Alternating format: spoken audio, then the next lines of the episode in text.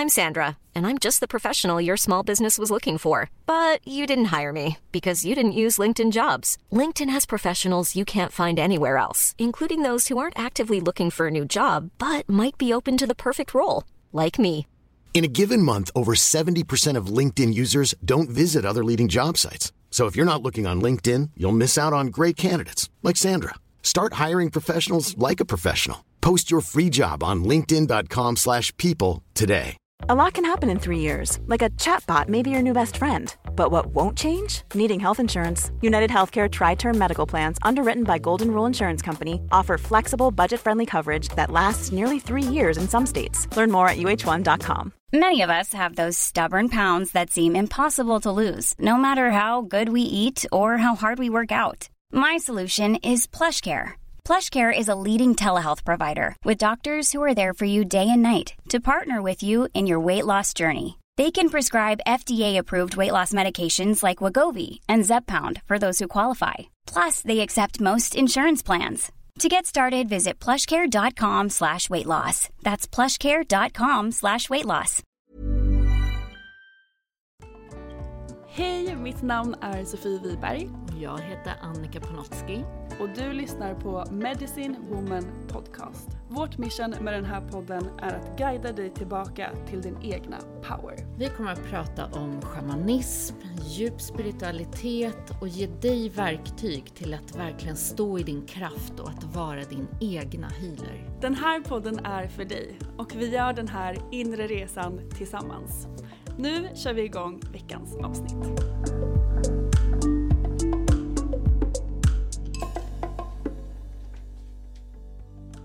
Veckans poddavsnitt gästas av Nathalie Jonan som är holistisk hälsocoach. Tidigare så drev hon också Healthfulness-podden och en härlig matblogg. I det här avsnittet så pratar vi om hennes resa som hon har tagit så modigt och verkligen vågat följa den här feminina intuitionen och visdomen och hur hon nu i sitt föräldraskap och mammaledighet, hur hon fortsätter att följa den in i ett medvetet föräldraskap. Vi pratar också mycket om hälsa och vad det innebär för oss. Så nu kör vi igång veckans avsnitt.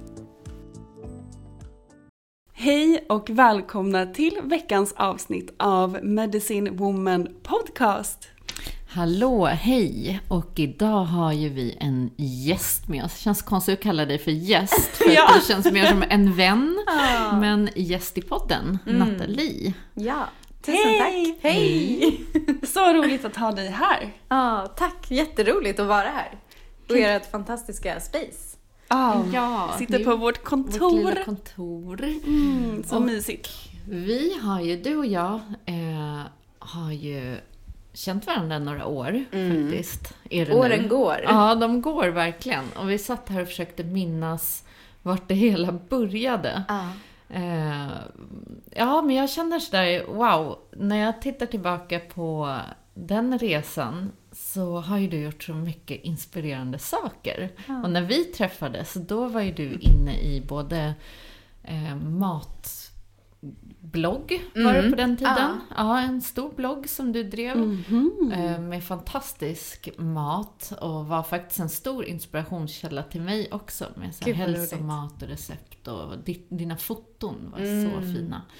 Eh, och vi möttes också genom Ja men det är sådär att leva liksom mer medvetet i form av eh, också sådär vad man har i hemmet och produkter, eller hur? Ja, Det var verkligen. mycket sånt på den tiden. Ja. Berätta. Ja, nej men alltså vi... Eh, jag tycker också det är så intressant när vi tänker tillbaka. För att jag har inget tydligt egentligen så... Alltså så här, typ när vi träffades, eller hur vi träffades. Jag vet bara att du kom in i mitt liv. Och för mig har ju du, Annika, haft en jättestor inverkan. För att precis, jag tror jag sa det till dig nu, att så här, jag minns det som att bara några veckor innan jag startade min podd så hade ju, var jag hos dig på en sån här chakra balanserande healing. Och jag kommer ihåg att du sa att jag hade väldigt så här, ett, en stor blockering i halschakrat. Som jag verkligen kände så här, ja, makes so much sense liksom. Och efter jag hade varit på den här sessionen så var det som att jag bara wow! alltså verkligen kunde, nej men det var som att det bara släppte liksom. Eh, allt som hade med kommunikation och liksom speak my truth och dela min sanning och allt sånt där. Eh, och sen efter det föddes ju podden och the rest is Gud history. härligt. Mm. Jag har ju bara hejat på dig en gång men jag har Ah. faktiskt följt din podd jättemycket. Är det sant? För några år sedan så det var typ bland de första jag började lyssna på. Gud vad kul. Ja, så Ah. många inspirerande avsnitt verkligen som var Ah. en stor del av min början på min resa. Ja, gud vad underbart. För jag kommer ihåg också att jag tror att du, jag, alltså så här, min, mitt minne av dig är att du höll på väldigt mycket också med matbiten. så, exakt. Så att jag tänker att så här, liksom, vi har ändå varit i varandras sfär, fast Mm. på lite olika liksom, tidpunkter och eh, som du säger, ja, vi har ju bara träffats typ en gång innan det här. Ja, verkligen. Och då hejade vi Ja. på varandra också. Så det är jättekul att jag ska också få lära känna dig Ja. ännu mer nu. Ja, det känns som att jag känner dig lite eftersom jag har lyssnat på din podd så mycket. Ja, och det känns som att jag känner dig, men det är Ja. nog mer för att jag har sett, dig överallt. Och liksom, det känns så, tycker jag, när man följer varandra på Ja, sociala verkligen. medier och liksom. Ja, så härligt. Insta-friends. Ja, exakt. Det jag tyckte var så inspirerande på den tiden, kommer jag ihåg, det var förutom maten och content och allting, för att du, för mig var du en sån otroligt kreativ eh, person som eh, skapade så mycket och du verkade ha så otroligt mycket på gång. Och lite där som jag kan känna igen i vår ådra, så här, du var lite före med allting. Liksom starta podd innan det var så mycket poddar och Ah. matcontent innan liksom det här med hälsomat var så Ja men som, Mm. det blev världens boom sen kändes Ja. det som, där alla höll på med mat. Men du har ju hela tiden varit lite steget före och lyssnat in och verkligen följt. Och det har varit eh, inspirerande tycker jag, att du har vågat följa oavsett. För att när du hade byggt upp den här stora bloggen, Mm. så när du sa till mig så här, nej men jag kommer nog att eh, lägga ner det här och nu ska jag in i något nytt. Och jag var så här, men wow, kan man göra så när man har byggt upp något stort liksom? Och det tycker jag är häftigt med många kvinnor som jag har omkring mig. Just så här att våga följa den där intuitionen, även om det är ologiskt. Kan inte du berätta lite, hur minns du hur det Ja, kändes? ja men alltså verkligen. Det, jag tror att det har varit lite olika i olika delar av livet, men när det gällde bloggen så tror jag att jag liksom ändå fortfarande var på någon form av så sökande. Att jag kände inte att jag hade hittat till 100% liksom mitt uttryckssätt. Medan när jag sen väl startade podden kände jag mycket mer att jag kom liksom till rätta. Att så här, men gud, det här funkar för mig. Alltså det var ungefär som att, att typ ta matbilder och laga hälsosam mat. Det är verkligen en del av mig och jag tycker att det är super Alltså givande på många plan, men det är samtidigt så här, jag kände typ att det blev lite platt ibland. Att man bara, åh en fin frukost. liksom. jag, jag kände så här, det är inte liksom till 100% eh, allt, allt som jag är. Medan med podden så kändes det mycket mer att så här, när man ut, eller när jag kände i alla fall att jag kunde liksom ha gäster, prata om hälsa på ett djupare plan och liksom, det, kunde, det fanns plats för fler lager. Eh, Så att jag känner nog mycket mer att även om jag tycker det är kul att skapa fina saker, alltså både i form av mat eller ta bilder eller måla eller illustrera, allt det där, så tycker jag att prata är liksom det där jag känner är mer min grej. Sen kommer jag fortsätta förmodligen göra resten, alltså det andra hela livet, för att jag är en kreativ person liksom. Ehm, Men sen kan jag också känna igen det du pratar om Annika, att så här, jag har nog ganska lätt för att bara så här, okej, on to the next. liksom. jag, jag tror att jag fastnar inte så mycket i saker och jag har framför allt tror jag att jag känner typ att när någonting är gjort, typ som vi säger nu med hälsopodd, att liksom nu känner jag typ att den stigen är lite upptrampad och nu gör många andra det och det är perfekt, då kan jag gå vidare liksom. Så jag tror att jag också har lite den energin att eh, jag tycker om, det kommer jag även ihåg eh, liksom några år innan vi träffades, då höll jag på mycket med raw food och på den tiden var det typ ingen som visste vad det var. Alla var så här, sushi! Ja. Det var liksom den kopplingen man hade till råmat. Eller typ så här En morot, typ. Ja, men typ så här, exakt, coleslaw liksom. Men idag är ju liksom raw food har ju hunnit bli superpopulärt och typ inte ens trendigt längre. Så det är liksom, allt det där går ju i vågor. Men jag tror, ja, jag tänkte bara säga att jag tycker det där är så inspirerande för vi har ju pratat mycket om vad nyckeln till success är. Mm. Och har observerat många i vår närhet och kollat på vad andra gör, eller mm. vad det ser ut utifrån att andra gör. Och att en nyckel då är non-attachment till mm. saker. Att man vågar släppa saker även om det kanske känns jättebra eller går jättebra och mm. är jättekul. Att någonting inom en ändå säger att Nej, men nu är det här klart. Mm. Och där har jag märkt i mitt mönster att jag ofta har stannat lite för länge vid saker. Även om mm. jag har känt att jag är färdig. Ja, precis. Mm. Så vad skulle du säga är ett bra tips till att faktiskt våga göra det? För att ofta så kan jag tänka mig att man, man stannar för att det flowar eller för att det är bekvämt eller för att det är det man vet. Mm. Men jag tror som du har gjort under mm. din resa att nyckeln verkligen är att när det känns klart så går man vidare. Ja. Men verkligen. Och jag tror faktiskt att, alltså så här, det var någon som sa, jag kommer inte ihåg vem det var, men jag tyckte det var så himla smart. Eller så här, inte smart, för det låter så mentalt, men det var liksom klokt, alltså vist. Jag kände så här, wow. Och det var så här, vad är skillnaden mellan intuition och rädsla? Eller typ, eh, ja men jag tror det var intuition och rädsla. Och då var det så här, intuition kommer väldigt starkt som en impuls och en känsla och den bär ingen egentligen story med sig. Medan en rädsla har liksom massa olika historier och så här, det här är orsakerna varför och det är liksom, mm. det blir Mindet väldigt, kommer in. Ja, att det blir väldigt liksom, och jag tror att det är lite samma med det här att när man går in för mycket i så här, ah, jag borde vara kvar i det här eller jag liksom, det är ändå smart, det går bra för mig nu och jag borde smida medan järnet är varmt och liksom, man har alla de här historierna kring varför man ska gå eller vara kvar eller då tror jag att man liksom egentligen är inne i fel energi. Att det är mycket bättre att bara känna så här. Eh, om jag bara tar som exempel när jag fick barn, då var ju min tanke hela tiden att här, jag bara skulle ta en liten paus, eh, att jag skulle liksom gå tillbaka till poddandet till hösten, jag fick barn i maj. Och sen så liksom när det blev sommar och började närma sig höst, jag bara men herregud, jag kan ju absolut inte liksom gå tillbaka och podda. Det, det, det kändes bara helt orimligt. Och jag tror att när man följer den känslan, som liksom egentligen bara var en känsla för mig, det var bara så här, nej gud, jag ska inte podda mer. Då tror jag att det är så viktigt att följa det. Men det är ju också så lätt att gå in i, ja ah, men gud om jag inte går tillbaka och poddar nu, då kommer typ jag tappa alla mina följare eller typ så här, det kommer vara mycket svårare att komma tillbaka om ett år. Alltså man så har... mycket illusioner och rädslor. Ja, mm. jag tror att man har så himla lätt att fastna i det där och just tro att så här, det kommer typ rinna ur händerna på mig och liksom jag måste, jag måste göra på ett visst sätt för att lyckas. Men jag tror samtidigt att om man vågar bara så här, nej, det här är det som är liksom, det som min eh, intuition kommunicerar till mig just nu. Jag följer det, jag litar på det. Och jag menar nu känns det ju för mig helt självklart att jag ska podda om någonting helt annat när jag väl sätter igång igen. Så det, det är ganska liksom, det är ganska skönt tycker jag att leva på det sättet, att inte liksom hålla kvar vid saker och bara typ hänga med i flödet och se var, vart man hamnar. Det blir lite mer spännande då.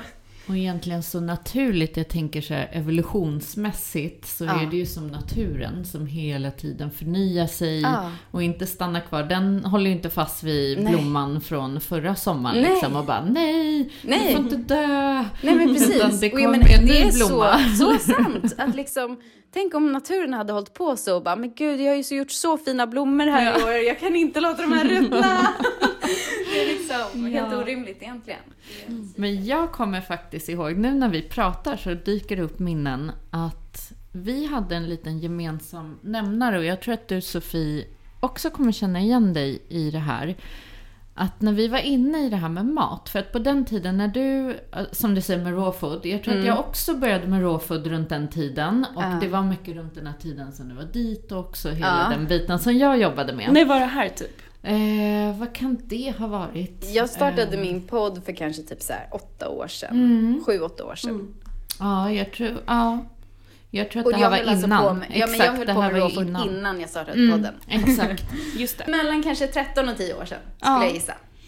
Och eh, det jag kommer ihåg att du sa till mig, och som jag också upplevde på den tiden, det var att man kände sig lite så inmålad, eller förlåt, man hade målat in sig själv mm. i ett fack med den här hälsobilden av sig själv.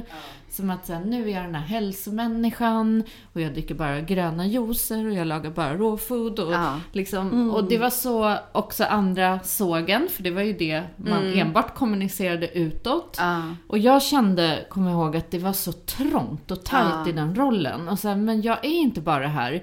Jag äter inte bara sån här mat. Och det är Nej. inte så att liksom, vill jag gå och ta en kaffe så ska jag inte behöva gå och gömma mig bakom ett gatuhörn och liksom Nej. eh, ha något dåligt samvete att jag Nej. inte kan leva upp till den här bilden. Men jag minns att vi pratade om det och att du också kom till den punkten. Ja. Och jag vet att du Sofia Mm, också jag har känt samma, mycket så runt verkligen. mat. Ja, nej men alltså det, jag tror alla som kanske har varit i just den så här raw food, vegansvängen har, alltså och jag tror att det är också en stor anledning till det vi ser idag som är typ så här alla i princip som har, kanske alla utom raw food, vad heter hon, fully raw Christina. Ja, just alltså hon är ändå så här staying true to the raw food Och thing. Freely Banana Girl, kör hon också? Jag, vet, jag har ingen koll på henne faktiskt. Men Nej, alltså inte typ, jag heller. Jag vet att eh, det finns en tjej som heter Ravana. Ni vet säkert vem det är. Hon, är, hon heter ju inte Ravana längre. Hon heter typ Vanan, ja men någonting annat. Hon har sitt eget namn eller så. Men hon äter ju liksom bara så här inälvsmat och liksom... Åh, gud. ja. men så här, Totalt. Svingen, ja. Ja, och jag tror att så här, den svingen är så naturlig för att det har varit så himla vad ska man säga, tight liksom, som du beskriver Annika. Att det är liksom, det är inte naturligt som människa att måla in sig i ett hörn på det sättet. Bara, så här, det här är det enda jag gör, det här är det enda rätta. Och det, Någonting. nej. Eh, och därför tror jag också att så här, hela liksom, eh, den här eh, raw food-kulturen, alltså jag tror att de allra flesta har ju lämnat det där nu och åtminstone kanske då börjat äta veganskt, vegetariskt, alltså börjat äta liksom är in- inte in- så strikt. Nej, och många tror jag har svängt helt åt andra hållet och bara carnivore typ. och det tror jag är, liksom, det är en naturlig process för att vi, alltså många gånger så behöver man svänga helt åt andra hållet för att hitta någon form av balans eller harmoni liksom. Ehm, och där har ju jag alltså också känt att jag har ju verkligen så lämnat det där bakom mig. Även om så här, jag tycker det är superkul fortfarande att göra eh, alltså sån typ av mat. Men det är inte så att jag, om jag gör någonting, att jag säger men gud vänta, är alla ingredienser här råa? Alltså det, I couldn't Nej. care less. Alltså det är så, så oviktigt för mig idag. Medan det fanns en tid där jag verkligen tyckte att det är så här, ah, man måste ha liksom blötlägga cashewnötterna och det får bara vara så här och man får absolut inte ha salt och alltså du vet. Men det blev väldigt mycket kontroll Ja. runt också hur man styrde upp liksom allt runt maten. Och som du säger, det fanns mycket glädje. Men det blev också väldigt, väldigt sådär Och, det, och jag tror tr- faktiskt att när när det handlar om kreativitet så tror jag att så här, om man har för fritt, typ du får laga vilken mat du än vill, då kan det vara lite svårt att hitta kreativiteten. Men raw food gav ju ändå ramar, typ så här, man får bara göra på det här sättet. Och det kan också öka kreativitet. Alltså det gäller ju inte bara när det gäller mat, utan om vi typ tar konst till exempel. Om det är så här, men nu ska du göra en tavla och du ska göra den i en impressionistisk stil eller i en liksom, om du, om du får ramar för kreativiteten så kan det verkligen öka på. Att man bara, åh gud, då ska jag göra det här. Liksom. Eh, det, det är verkligen, jag tror att det är en förutsättning för att kreativiteten ska eh, flöda. Det får inte vara för fritt. Men samtidigt, så här, om vi pratar om hälsa, så tror jag att det säger väldigt mycket om en själv och kanske hur man mådde på den tiden. Ja, när, när man verkligen. liksom tittar på hur man, eh, ja men vad man hade för beteenden. Alltså, det, eller i alla fall så känner jag när jag utgår från mig själv. Mm. Ja, men mat blir ju verkligen en spegling på vad som pågår. Beteenden och mönster Ja, och känslor. Det blev väldigt Mm. ofritt tyckte jag. Och Ja. hur jag, när jag till exempel skulle ut och äta med vänner, så kunde jag typ inte göra det. För Nej. att det var inte enligt ramen och det jag hade bestämt mig för att äta. Ja. Jag äter ju fortfarande vegansk kost eh, och har gjort det i åtta år nu och mår jättebra av det. Men förut när jag inte åt vissa grejer, det gör jag verkligen idag. Och har inga regler förutom att jag äter veganskt. Ja. Så det funkar jättebra för mig. Men jag tror att det är det som är det viktiga, att man får hitta ett sätt som funkar för en själv. Och att man inte återigen håller fast vid saker. Att om du skulle känna om tre år att liksom, gud vad jag blev sugen på äggröra. Att du liksom tillåter Tillåter, dig ja. själv att bara, ah men gud min kropp kanske behöver någonting som finns i ägg. Eller det behöver inte vara ägg, det kan vara någonting helt annat. Alltså, där kan jag känna att liksom, när man har så mycket regler, det kan vara glutenfritt eller sockerfritt eller vad det än är. Socker är ju, det vet vi, alltså det är konstaterat, det är inte bra för oss. Men jag tror ändå att så här, det finns så mycket andra aspekter av hälsa och om man längtar efter någonting, om man liksom eh, vad ska man säga, cravar någonting mm. så kan det finnas så mycket saker där bakom som behöver bejakas. Det betyder inte att du ska mm. äta bullar varje dag eller choklad eller liksom. men, men jag tror ändå att, ja, jag tror hälsa är så brett och liksom välmående är så djupgående att det går inte, eller jag, jag, tror väldigt få människor gynnas av det här restriktiva. Liksom. Ja. Jag kliva ur de här etiketterna, för det var för mig sån befrielse när jag slutade att ge mig själv olika etiketter eller labels på vem jag är eller vad jag gör. Ja. Utan så här, jag gör vad jag vill. Ja. Det är mitt liv. För vem ska liksom vara den där eller den där personen? Ja. Om jag den här morgonen vill äta det här eller vara så här eller så är det ju upp till mig och ingen mm. annan. Nej. Och det blev så fritt. Och det mm. gjorde faktiskt att jag valde in mer bra saker mm. in i livet. För att jag ville hålla mer från en vibration och från att ha en bra energi. Mm. Än från en massa krav och måsten som ofta gjorde att jag svingade och liksom gick in i något sådär, ja. Destruktivt, destruktivt istället. Mm. istället. för att jag inte klarade av att leva upp till mm. de här rollerna jag hade satt på mig Där märkte jag den största skillnaden för mig, att jag kom in i en balans när jag släppte alla de här reglerna. Mm. Så jag tror att det är nyckeln, balansen. Mm. Mm. Men du berättade ju att du la ner din podd när du mm. blev mamma. Ja. Kan inte du berätta lite mer om det? Jo, nej men det var ju som sagt, jag blev mamma i eh, maj 2021 och sen så hade jag ju planerat såklart att eh, i typ september, oktober någon gång skulle jag dra igång och podda igen eh, efter ett litet så här sommarbreak. Um, och sen så ju mer, alltså så här, jag kom verkligen, jag embraceade verkligen de här, ja ja men du vet 40 första dagarna, man ska typ inte lämna hemmet, bara liksom connecta med bebisen och jag bar typ 24-7. Alltså så här, han sov på mig, han var på mig när det var liksom, när vi var ute. Alltså det, det var verkligen så här, hud mot hud hela tiden. Och jag tror att så här, vi kom så mycket in i en vardag där det kändes, alltså jag hade på riktigt aldrig honom typ ens nere på eh, soffan. Alltså så här, han, jag, han, var aldrig liksom mer än några centimeter ifrån mig. Så det kändes bara helt orimligt att jag skulle lämna bort honom eller alltså att han skulle vara med sin pappa i typ två timmar utan mig. Även om det så här, för vissa kanske det låter helt sjukt. Men för mig var det verkligen så här, han var ju, alltså pappan var ju med oss hela tiden ändå. Men jag kände bara så här, att jag ville ha den här tiden när han var bebis och liten liksom hela tiden nära mig. Eh, och det är klart att när bebisar är jättesmå, så, så här, de första månaderna hade jag säkert kunnat podda med honom i närheten. Eh, men ju äldre ett barn blir så funkar inte det, så det hade inte varit någon långsiktig lösning heller. Så jag kände bara väldigt tydligt att så här, nej, jag är inte redo att gå tillbaka och podda.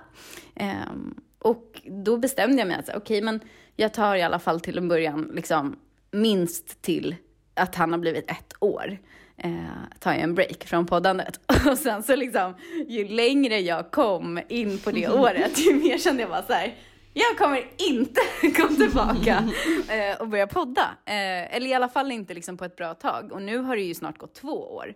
Eh, och jag känner att absolut den här kreativiteten och lusten till att skapa och dela, det har kommit tillbaka.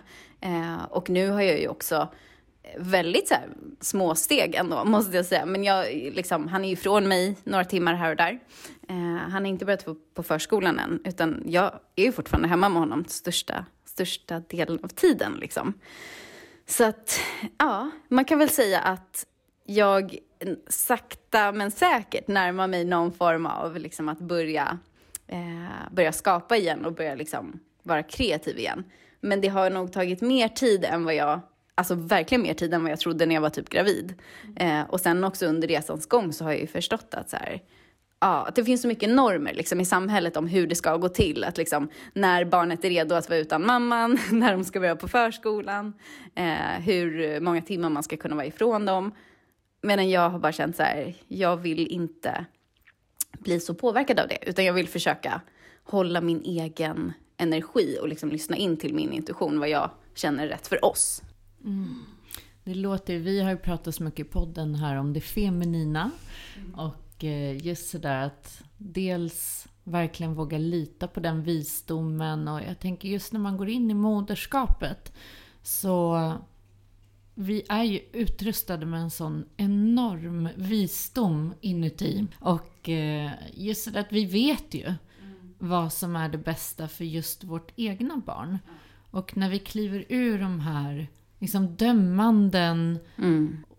egentligen runt hur saker och ting ska vara och titta på varandra och den gör si och den gör så.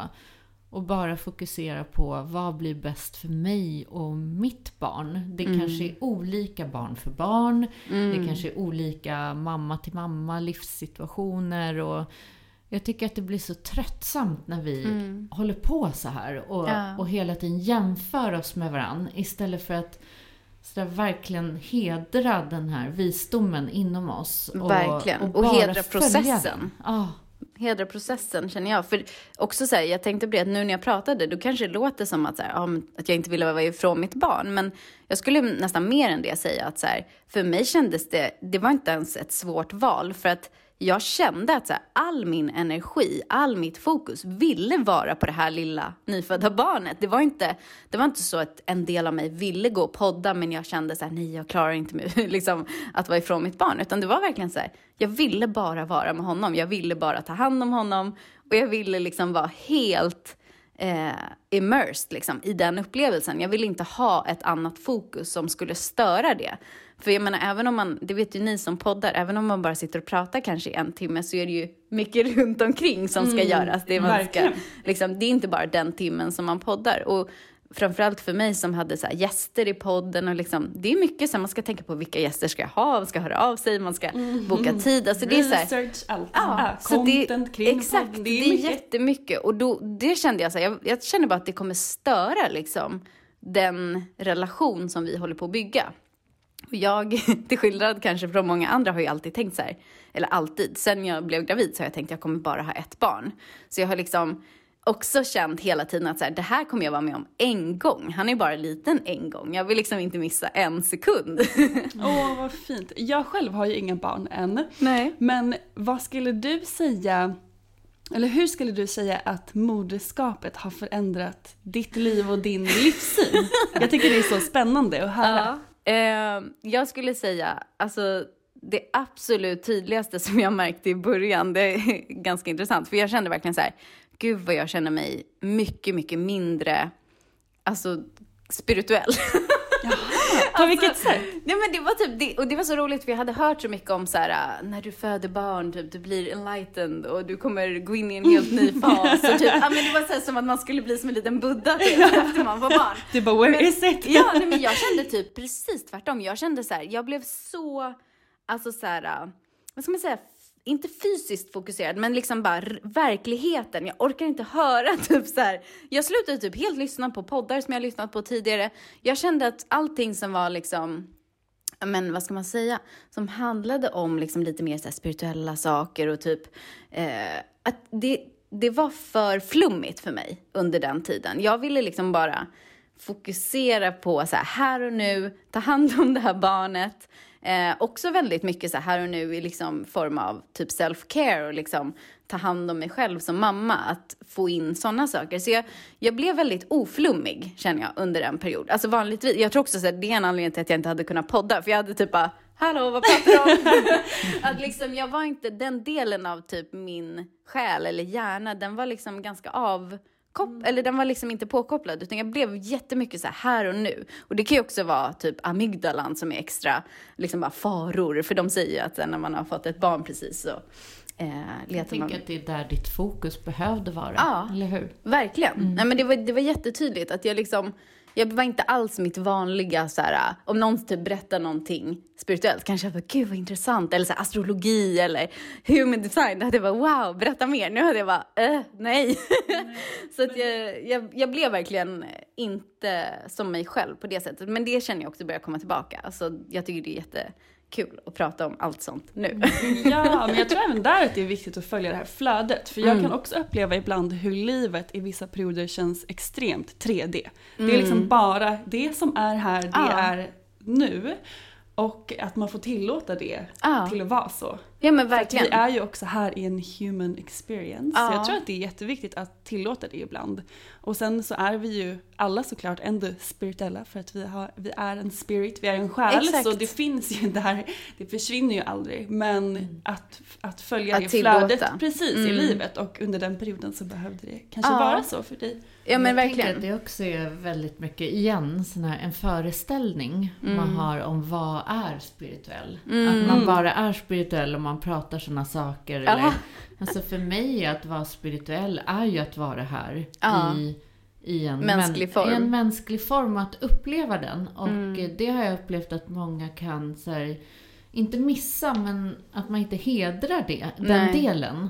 Så vi har ju kommit ner hit för att uppleva den här 3D-formen. Ja. Och därför är ju varenda filosofi och lära går ju ut på att vara i nuet. Ja. Och på att verkligen hitta en eh, närvaro. Vilket Mm. en närvaro i nuet ger njutning. Därför Mm. att om du är fullt närvarande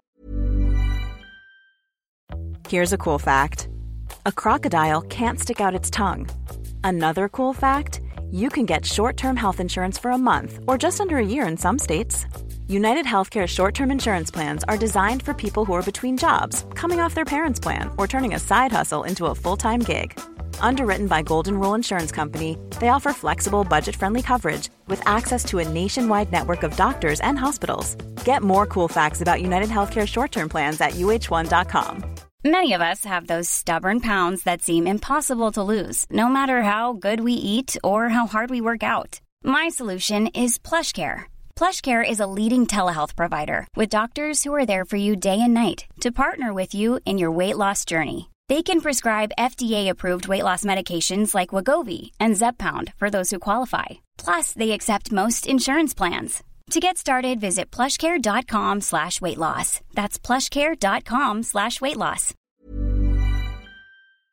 så ser du det som finns omkring dig. Ja. Annars missar du. Och ibland så är det som att man hamnar hela tiden i en föreställning om vart man ska vara eller borde vara. Och så missar man nuet. Och det Ja. tycker jag, för mig är ju barn den största gåvan i nuet. För att de tar en in i nuet, vare sig Ja. du vill eller inte. Och, det- hundvalpar. Ja, hundvalpar. Och det är den största practicen tycker jag. Sådär att, som du säger, så här, nej men jag behöver bara släppa allt annat för det kommer inte funka. Nej. Jag kan, de märker ju av på en sekund om ditt fokus är någon annanstans. Åh, gud, och då ja. händer det grejer liksom. Ja. Så det är också, det är väldigt utmanande men det är en sån eh, nyttig practice av Ja. att sådär, nu får du faktiskt, det är inget annat som är viktigt här och nu. Nej, och de är ju, eller jag upplever det som att liksom, att få ett barn, det är så intressant för att det är så att först ligger den i magen, sen har man liksom det här stora eventet som är födseln och sen så liksom, egentligen är ju det för mig, jag fattade ju inte det när jag var gravid. Jag tänkte så här, okej, finish line, det är liksom eh, för, förlossningen, sen är jag klar typ. och sen efter förlossningen, jag bara, vänta, det är nu det börjar, gud. jag hade verkligen inte kopplat att så här, jag kommer få ett barn och det liksom kommer vara pågående för resten av livet. Alltså jag var helt i förnekelse av den Det måste ju biten. vara den sjukaste känslan någonsin. Det var det, det var det. Och alltså, vi hade ju en oplanerad graviditet så att vi liksom hade ju tänkt att vi inte skulle ha barn. Så det var ju verkligen också så här, från att vi fick veta att vi skulle få barn så var det bara att ställa om hjärnan bara, nej men gud vi ska ha barn liksom. Så jag tror också att en del av mig kanske levde lite i förnekelse för att det, det var för mycket att ta in liksom. Och sen kommer jag ihåg att så här, när vi kom hem från BB, jag bara, gud, alltså vårt liv är förändrat för alltid. Alltså vi kan inte typ bara ligga i soffan och gosa och kolla på en serie om vi känner för. Det är liksom, those days are over. Och det är en ganska sjuk eh, omställning om man inte har varit, eh, alltså tagit de här nio månaderna till att förbereda sig på det. Så det kom ju lite som en chock, men, men det är ganska bra att ställa om liksom. Men, men sen har jag också känt att det är så fint hur det finns olika stadier. Nej, men att först liksom har man ett superlitet spädbarn som du sa Annika, som verkligen är också så här som en liten Buddha. Alltså de är ju bara så supernärvarande och liksom pure love. Alltså det är ju bara, det finns inget annat liksom. De är så i nuet. Eh, och sen så liksom i takt med att bebisen blir större så får den ju fler behov, den får liksom fler känslouttryck och liksom, det är ju mycket som händer. Så att man, man har ju tid att mogna, men det, alltså det handlar ju verkligen om att vara närvarande med barnet. Alltså det i sig är ju en form av meditation, att bara liksom leva ja. i synk med liksom den här processen. Och där känner jag att det har varit jätte, jätte, alltså både utmanande men också givande för att jag kände att det var lätt, alltså så här, den här tiden där vi var väldigt mycket hud mot hud och bara bära i sele och jag kunde liksom gå och fika hela dagarna. Alltså det, det var, för mig var liksom den första månaderna, den var ganska effortless. För jag tycker om att liksom gosa och så här. Det, det var inte jobbigt för mig. Eh, men sen så liksom när barnet börjar få fler liksom, behov, den behöver stimulans, den behöver liksom total närvaro hela tiden, alltså den vill interagera på ett annat sätt. Då började jag ju känna så här, mycket större utmaningar och liksom att vi hade också en period där det liksom började skava mycket i relationen och jag kände liksom, gud vad händer nu? Och liksom, varför lyssnar han inte på mig? Bara gör som jag säger. Exakt. Det kan säkert du som har hundvalp känna igen. Att man bara, ja. jag sa ju att du inte ska bita de där tofflorna. Precis. Hallå! Ja. Nej men så det tyckte jag var också så intressant att så här, det, det verkligen var en tid av att jag bara, men alltså det här funkar inte. Och jag, fun jag personligen funkar väldigt mycket så att så här, om någonting inte funkar, då måste jag hitta en lösning. jag liksom kan inte nöja mig med att bara, ah, ja okej det här gick inget bra eller typ det här är jobbigt och liksom stanna i det. Utan jag, jag typ söker information. Det är liksom på gott och ont mitt eh, mönster i livet. Att liksom felsöka. Bara, liksom, vad, vad, kan jag, vad kan jag ändra på? Hur kan jag bli bättre? Och det har varit en jättefin process känner jag för mig. Att liksom hitta de svaren, att liksom gå tillbaka till anknytning, gå tillbaka till liksom ja men typ gener generationella trauman, alltså så här, vad man för med sig, vad man har med sig från sin egen barndom, liksom, relationen till sina egna föräldrar, den anknytningen, liksom, hur påverkar det vår relation och liksom, sättet jag bemöter mitt barn på och så här. Så det, det har varit för mig en jätte, alltså både så här, meditation i att liksom bara andas in och ut och bara okej, okay, jag kommer klara det. det Vilken healing ut. låter det som. Ja men det har mm. varit det verkligen, alltså jätte, jättemycket och också personlig utveckling. Alltså, för mig har det, eh, jag har ju hållit på med personlig utveckling i många, många år, men inget har ju Alltså det här är ju som att man bara så här speedar upp den personliga utvecklingen gånger tio. liksom. För att det blir också, alltså du kan ju läsa böcker och bara, åh gud vilket intressant koncept, men du kan inte applicera det kanske i livet. Medan när du har barn så är det så här, det, du kommer få veta varje gång du gör bra och det funkar och varje gång du gör fel och det inte funkar. För att barnet ger dig direkt feedback liksom. Ja, och den är ofta väldigt sådär ingen mercy, mm. upplever jag. Som nu Verkligen. har lite liksom, äldre barn som kan eh, ge en den där ah. direkta feedbacken, fast ah. i väldigt verbal version. Exakt.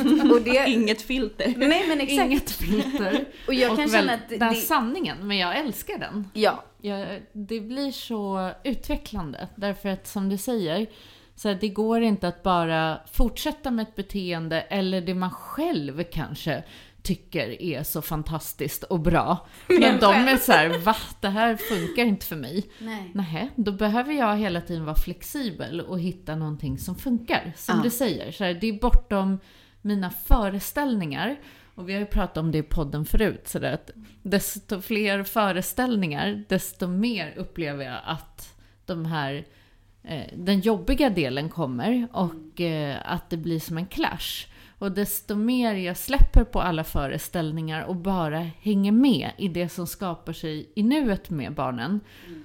desto mer kan vi slappna av och få liksom, de här, när det blir mysigt blir mysigt. Jag möter mm. det som är. Så ja. det är verkligen en sån lärdom för livet, att ta med sig det ut i livet. Verkligen. Och jag tror att alltså skillnaden mellan att ha ett litet barn och ett stort barn, alltså jag har ju inte haft ett stort barn, men som du säger, det blir väldigt verbalt. Och jag tror att det som är tacksamt med att ha så små barn, det är att det finns inga förklaringar, utan det är bara känslouttryck. Eller det är bara, det kan också uttrycka sig i form av så här försvarsmekanismer, men du, du har mycket mindre, alltså jag tänker att när man har ett stort barn som liksom kommer med konkreta förklaringar eller så här, då kan man också ibland kanske ha svårare att ta, sig till, ta till sig det för att man bara, nej men så är inte jag alls eller så var det inte alls eller jag upplever inte att det gick till så eller alltså att man, man själv blir så mental.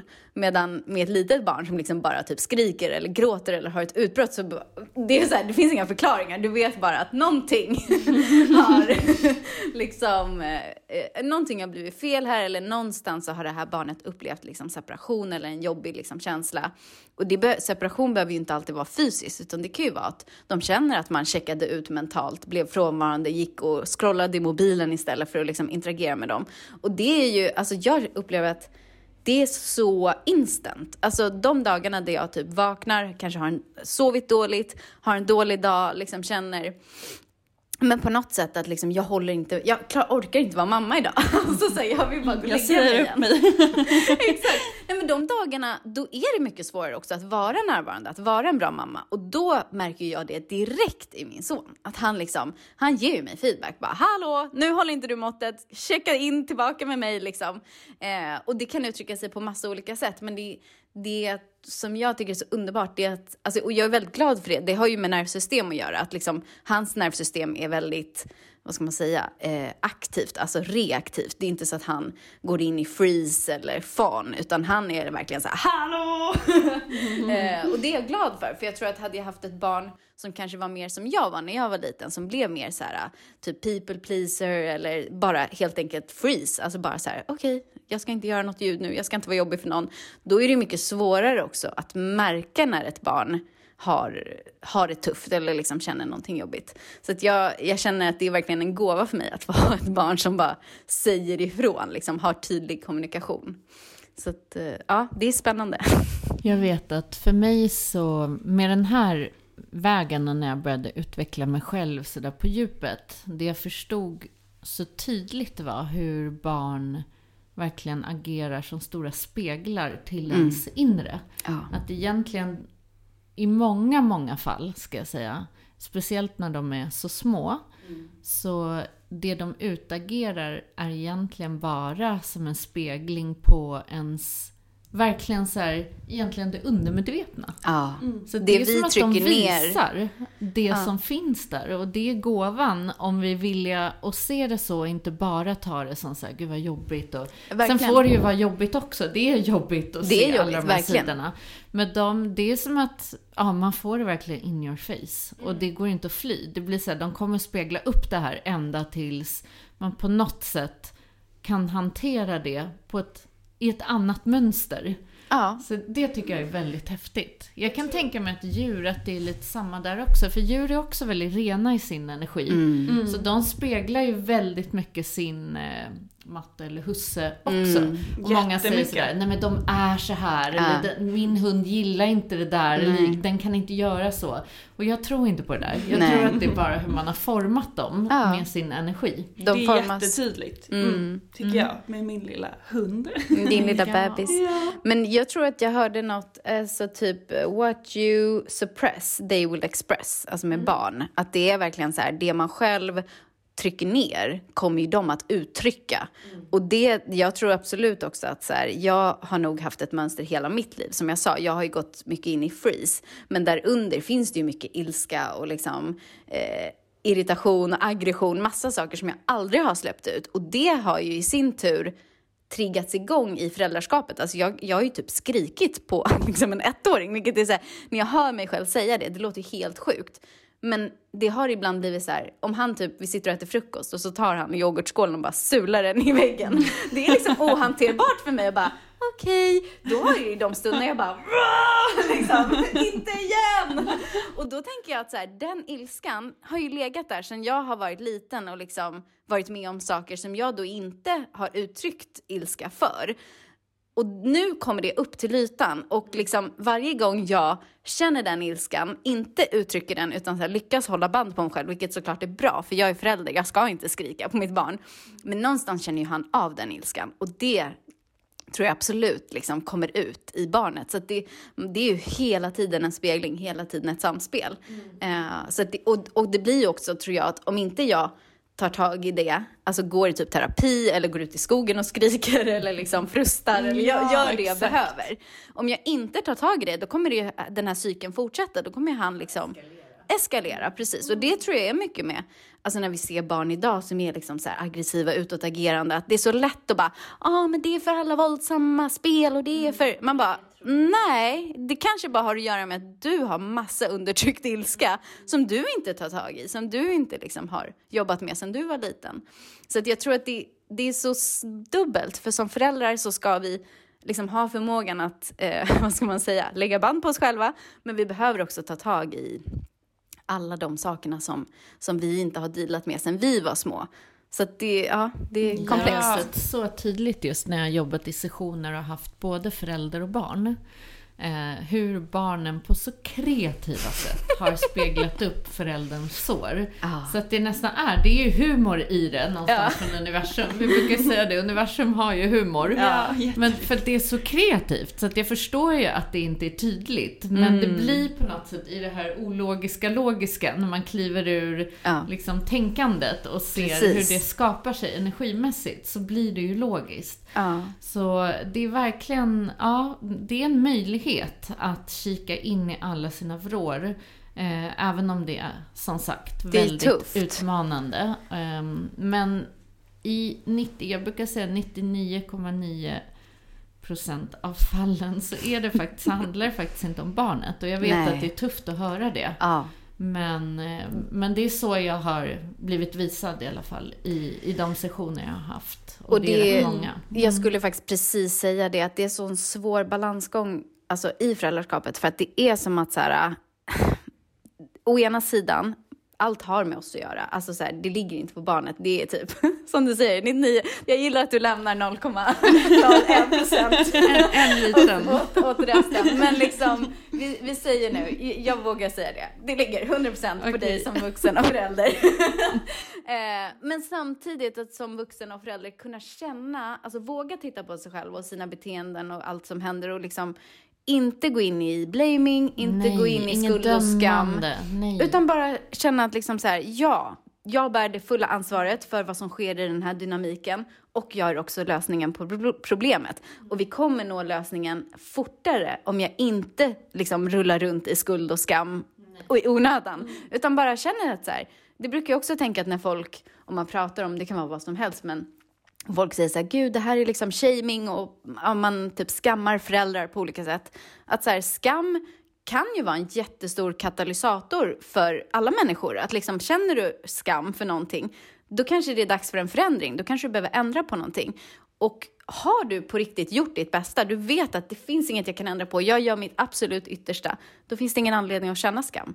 Så det är liksom, jag tror inte man ska fastna i det, utan liksom sök lösningen hellre. Mm. Ja, lite som i allting sådär när, när vi pratar om självutveckling. Alltså det handlar om både acceptans, bara det är det är. Det här har funnits i mig. Ehm, jag ser det bara med sanna ögon. Det betyder ju inte att jag kommer bli någon 2.0-version av mig själv. Nej. Men om jag bara kan acceptera att det här mönstret finns i mig, det här såret ligger i mig. Eh, och sen förlåtelse. Mm. Alltså både till sig själv, att man inte är perfekt. Jag säger det till mina barn hela tiden. Mm. Jag är här i mänsklig form. Mm. Jag är inte perfekt. Ni kommer inte med någon manual eller facit. Utan Nej. jag lär mig längs med vägen. Och ni behöver också kommunicera tillbaka era mm. behov. För att jag kan inte veta allting. Nej. Och också att säga förlåt till dem. Ja. Det har varit en stor grej för mig. Verkligen. Eh, speciellt som så tidigare generationer, det var så mycket superior i så mm. föräldraskap, att de ska veta allt och kunna allt och vara så bra. Mm. Medan så här, det, det är okej kommer... att erkänna sina misstag, ja. eller hur? Och mm. säga förlåt, gud, jag hade ingen aning om att det där skulle landa så där i dig. Eller, eller det där gjorde jag, där klantade jag mig rent av. Liksom. Jag skulle inte ha sagt det på det sättet. Och Nej. Det är okej att säga förlåt och att Verkligen. göra misstag. Liksom. Jag tänker också att det där kommer så mycket med det auktoritära auktoritära föräldraskapet som mm. verkligen var det som dominerade kanske våra föräldrars liksom, form av eh, parenting. Att så här, det var liksom att man utövar makt, så här är det, jag är vuxen, jag bestämmer. Och då blir det ju också jättesvårt att be om ursäkt för att så här, om du är den vuxna som är liksom stor och stark och ska veta vad det är som gäller, då måste ju du också ha allt, eh, vad ska man säga, du måste ha koll på läget liksom. Men jag tror att jag hoppas i alla fall att föräldrar idag har mycket mer ödmjukhet liksom, gentemot sina barn och känna att så här, ja, det är inte, jag har inte svar på allting och jag liksom låtsas inte ens ha svar på allting. Och vi kan liksom göra det här tillsammans. Självklart att så här, den som är förälder måste ha någon form av som vi pratade om lite innan, du och jag Annika, att liksom alfa-instinkt, att liksom jag är stor, jag ska ta hand om dig, liksom, att de känner trygghet i det, men inte för den sakens skull att man kör över dem på något sätt. Så att jag tror, jag tror att så här, den här generationen som är nu, som du, som kommer få barn snart, Sofie. Ja. Någon gång i framtiden. Någon gång i mm. framtiden, mm. precis. Att liksom, vi kommer ju ha så mycket bättre förutsättningar, alltså att vara föräldrar, för att vi har haft tid på oss också att här, jobba med oss själva och liksom titta på, reflektera ja, över exakt. det vi har varit med om. Och det, det är därför vi pratar ju så ofta om det här, hur viktigt det är att faktiskt göra sitt inre jobb just på grund av bland annat den här saken. Att inte föra vidare de här mönstren mm. eller såren till sina barn eller på något sätt skapa någon ripple till andra människor. Så det är ju ett enormt viktigt jobb att faktiskt göra det. Och jag kommer själv ihåg, det var inte jättemånga år sedan, jag insåg att min mamma och pappa också har känslor. Ah. Det kanske låter helt sjukt men hur jag så här, men gud, min, alltså mina föräldrar har också levt ett helt liv med hjärtekross och sorg och rädslor och allt det jag går igenom har de också känt. Och för att jag såklart som barn har sett dem som superheroes och ah. såklart gör det fortfarande men, men jag förstår att de också är mänskliga och känner allt det som jag också känner. Mm. Så jag tror att det är så viktigt att också ha med sig det. Verkligen. Den här sårbarheten. Eh, det... Samtidigt som jag tänker att det är bra att du fick förstå det i vuxen ålder. För jag tror att ja. till skillnad från mig som liksom har haft i alla fall en förälder som har varit alldeles för transparent i liksom sitt dåliga mående, att det är otroligt tungt för ett barn att bära. Så det är ju liksom, tänker jag, om mitt barn skulle förstå i vuxen ålder att jag också har känslor skulle jag bara känna yes, I made it ja. liksom. det är någonting ja. man ska, tror jag, förstå senare, eller i alla fall kanske i tonåren. Att, liksom, att man ska inte som barn för tidigt känna något ansvar för sitt förälders Nej. känsloliv. Liksom. Nej, det tror jag är jätteviktigt. Jag tror att det är viktigt med en balans så att man inte heller inte visar någonting Nej.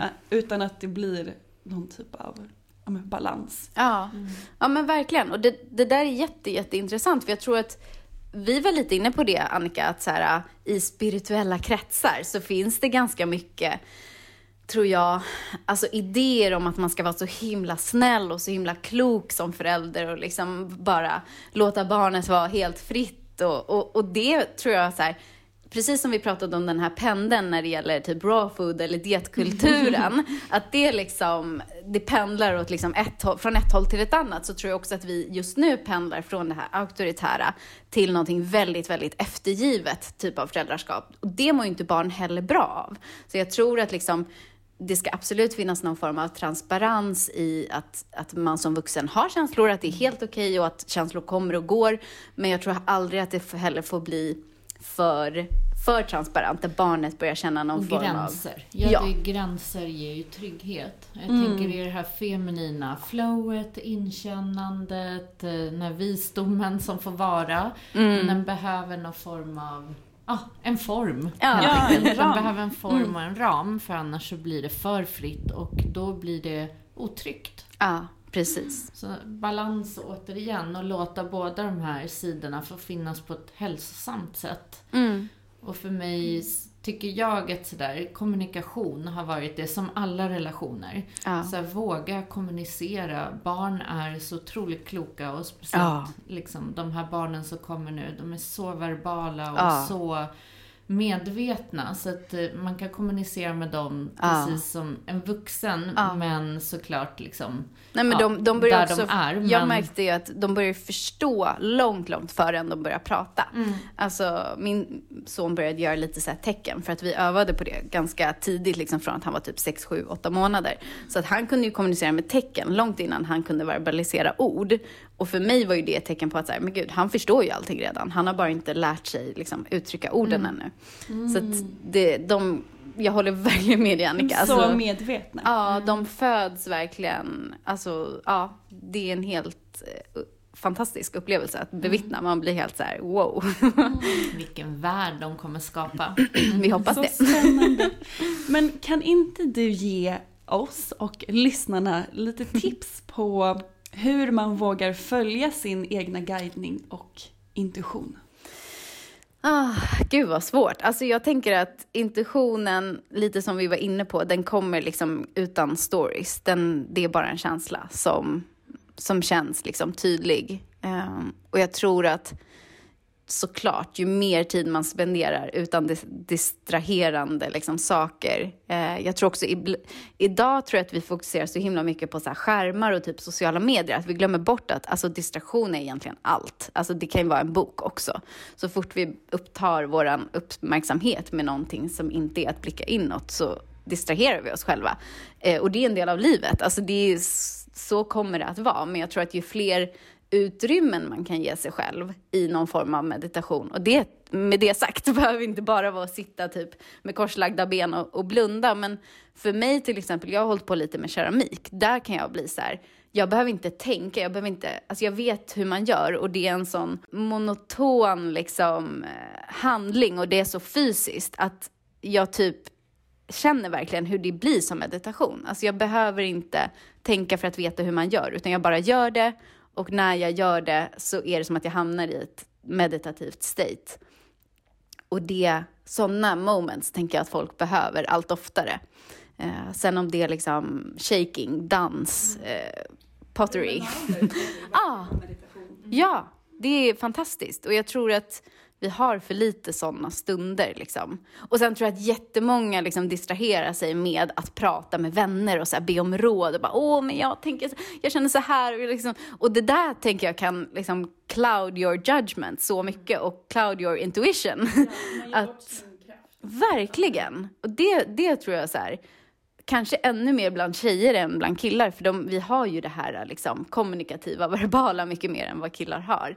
Eh, så att jag tror verkligen om vi kan öva på att så här, äh, sitta med vår intuition utan att liksom, det krävs så himla mycket eh, jag tänker att så här, man ger, som du säger, man ger verkligen bort sin kraft när man, eh, när man bollar saker med allt för många. Och många gånger så här, det spelar ingen roll hur klok eller bra din vän eller person som du liksom ber om råd är. För att de har inte din intuition, de har inte din life path, de har inte din, liksom, vad ska man säga, din resa i livet. Så att det är så onödigt egentligen att eh, ja, ta in för mycket perspektiv. Så det tar vi med oss, att fler stunder och bara blicka inåt för att där finns ju all guidning och mm. att våga följa den verkligen. Så där precis modigt som du har gjort från olika faser i livet och inte fastna utan Nej. är det dags så är det dags. Då tar vi modigt ett steg eller ett kliv dit mm. helt enkelt. Så vad har vi för intention den här veckan? Nej men jag tänker att en bra intention för veckan är då att jag vågar följa min egna guidning och intuition. Mm. Fint. Vi är så glada att få ha pratat med dig och eh, jag känner mig inspirerad. Jag blir sådär jag när man sitter med kreativa människor. Så alltså, jag älskar det. till att bara, ja, skapa och jag får energi. Vad kul! Gud vad glad jag blir. Ja, så mysigt att få prata mer med dig. Och om uh. de som lyssnar på något sätt vill connecta med dig eller höra mer ja. av dig, hur kan man göra det då? Uh, nej men alltså just nu finns det inte så jättemycket aktuella saker då, men man kan ju lyssna på gamla avsnitt av min podd. Den ja, finns fortfarande det. uppe om man inte har hittat till den då redan. Uh, och då är det Healthfulness-podden. Eh, och sen så finns jag på Instagram, eh, numera under Mrs Nathalie Jonan. jag bytte från Healthfulness-podden för jag tänker att den eh, troligtvis inte kommer leva vidare just nu i alla fall. Eh, så som sagt, man kan följa mig på Instagram, men händer inte jättemycket där. Jag delar eh, lite så här vardagliga saker och i och för sig ganska mycket. Jag följer så mycket så här föräldraskapskonton nu, så att ja, jag repostar vad andra delar. Mm. Um, men, uh, men jag är fortfarande ganska så ska man säga, inaktiv, under radarn.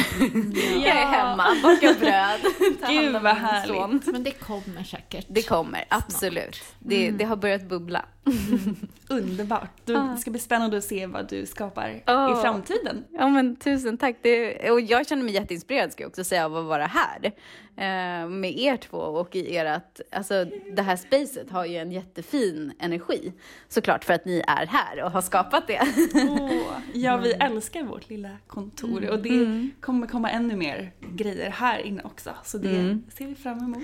Och sen vill jag bara tillägga en sak, för när ni frågade om så här, vad man kan göra så återkommer jag också bara lite till det där att jag var ju faktiskt på en session hos dig Annika och det är någonting som jag vill tipsa om att man kan göra. Att om man känner liksom att man är lite fast eller att man inte riktigt har ja, men, kontakt med sin intuition, att det är ju jättebra också att ta hjälp av olika former av energimedicin för att faktiskt kanske rensa upp i olika typer av chakran där det kanske kommer blockeringar.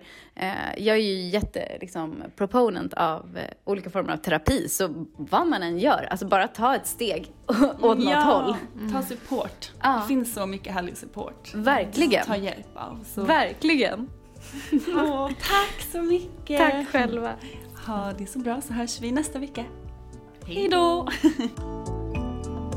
Tack för att du har lyssnat på veckans avsnitt av Medicine Woman Podcast. Vi skulle bli så glada om du vill supporta vårt mission med den här podden genom att dela den med dina vänner och följa oss på Instagram. Där heter jag Sofie Wiberg. Och jag heter Annika Panotski. Vi har också en Facebookgrupp som heter Medicine Woman Podcast. Så gå med i den och bli en del av vårt härliga spirituella community. Och glöm inte bort att du har allt du behöver inom dig.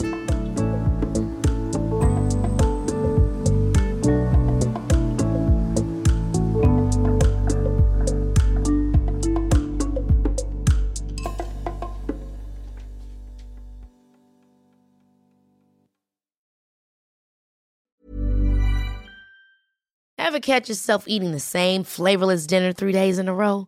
Dreaming of something better? Well, HelloFresh is your guilt-free dream come true, baby. It's me, Gigi Palmer.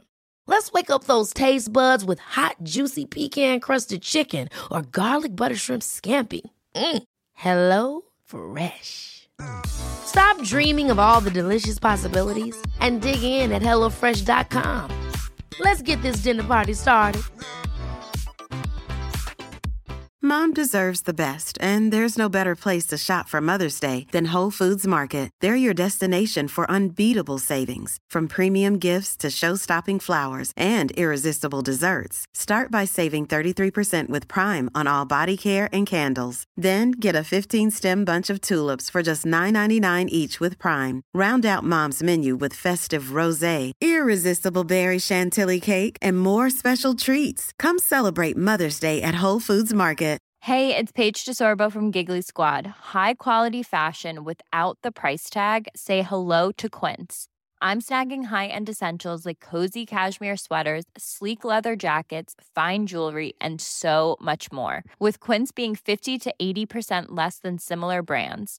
And they partner with factories that prioritize safe, ethical, and responsible manufacturing. I love that. Luxury quality within reach. Go to quince.com slash style to get free shipping and 365 day returns on your next order. Quince.com slash style.